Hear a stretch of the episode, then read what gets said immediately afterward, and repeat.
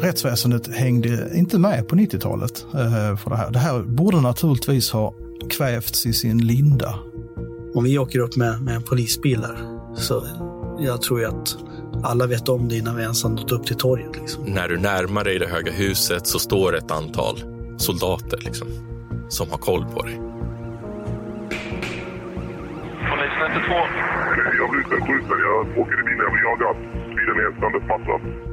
Så här kan vi inte ha det. Man kan ju inte tvingas vittna emot människor som kan skada vittnen.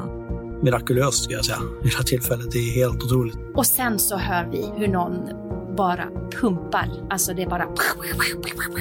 Det springer kring en kvinna som skriker att någon har blivit skjuten och att någon håller på att dö. Hjälp! Ring ambulans! Hjälp! Ska jag förstå det som att du har haft ett automatvapen riktat mot ditt huvud som klickar? Och det är därför som du överlever?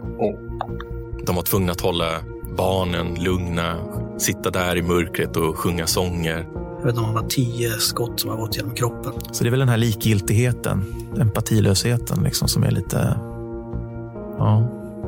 Det har inget med territorier att göra, utan det har ingenting med makt att göra. Det handlar om, om heder och, och det är familjen som har blivit mördade. Det är bättre att alliera sig med skurkarna, trots att man vet att de är skurkar, än att alliera sig med myndigheterna.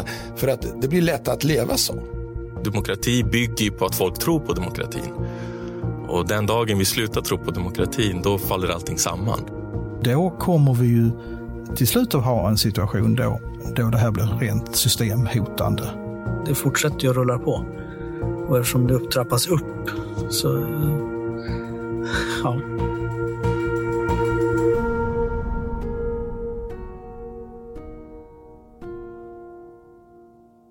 Lyssna på en mörk historia om Östberga-nätverket.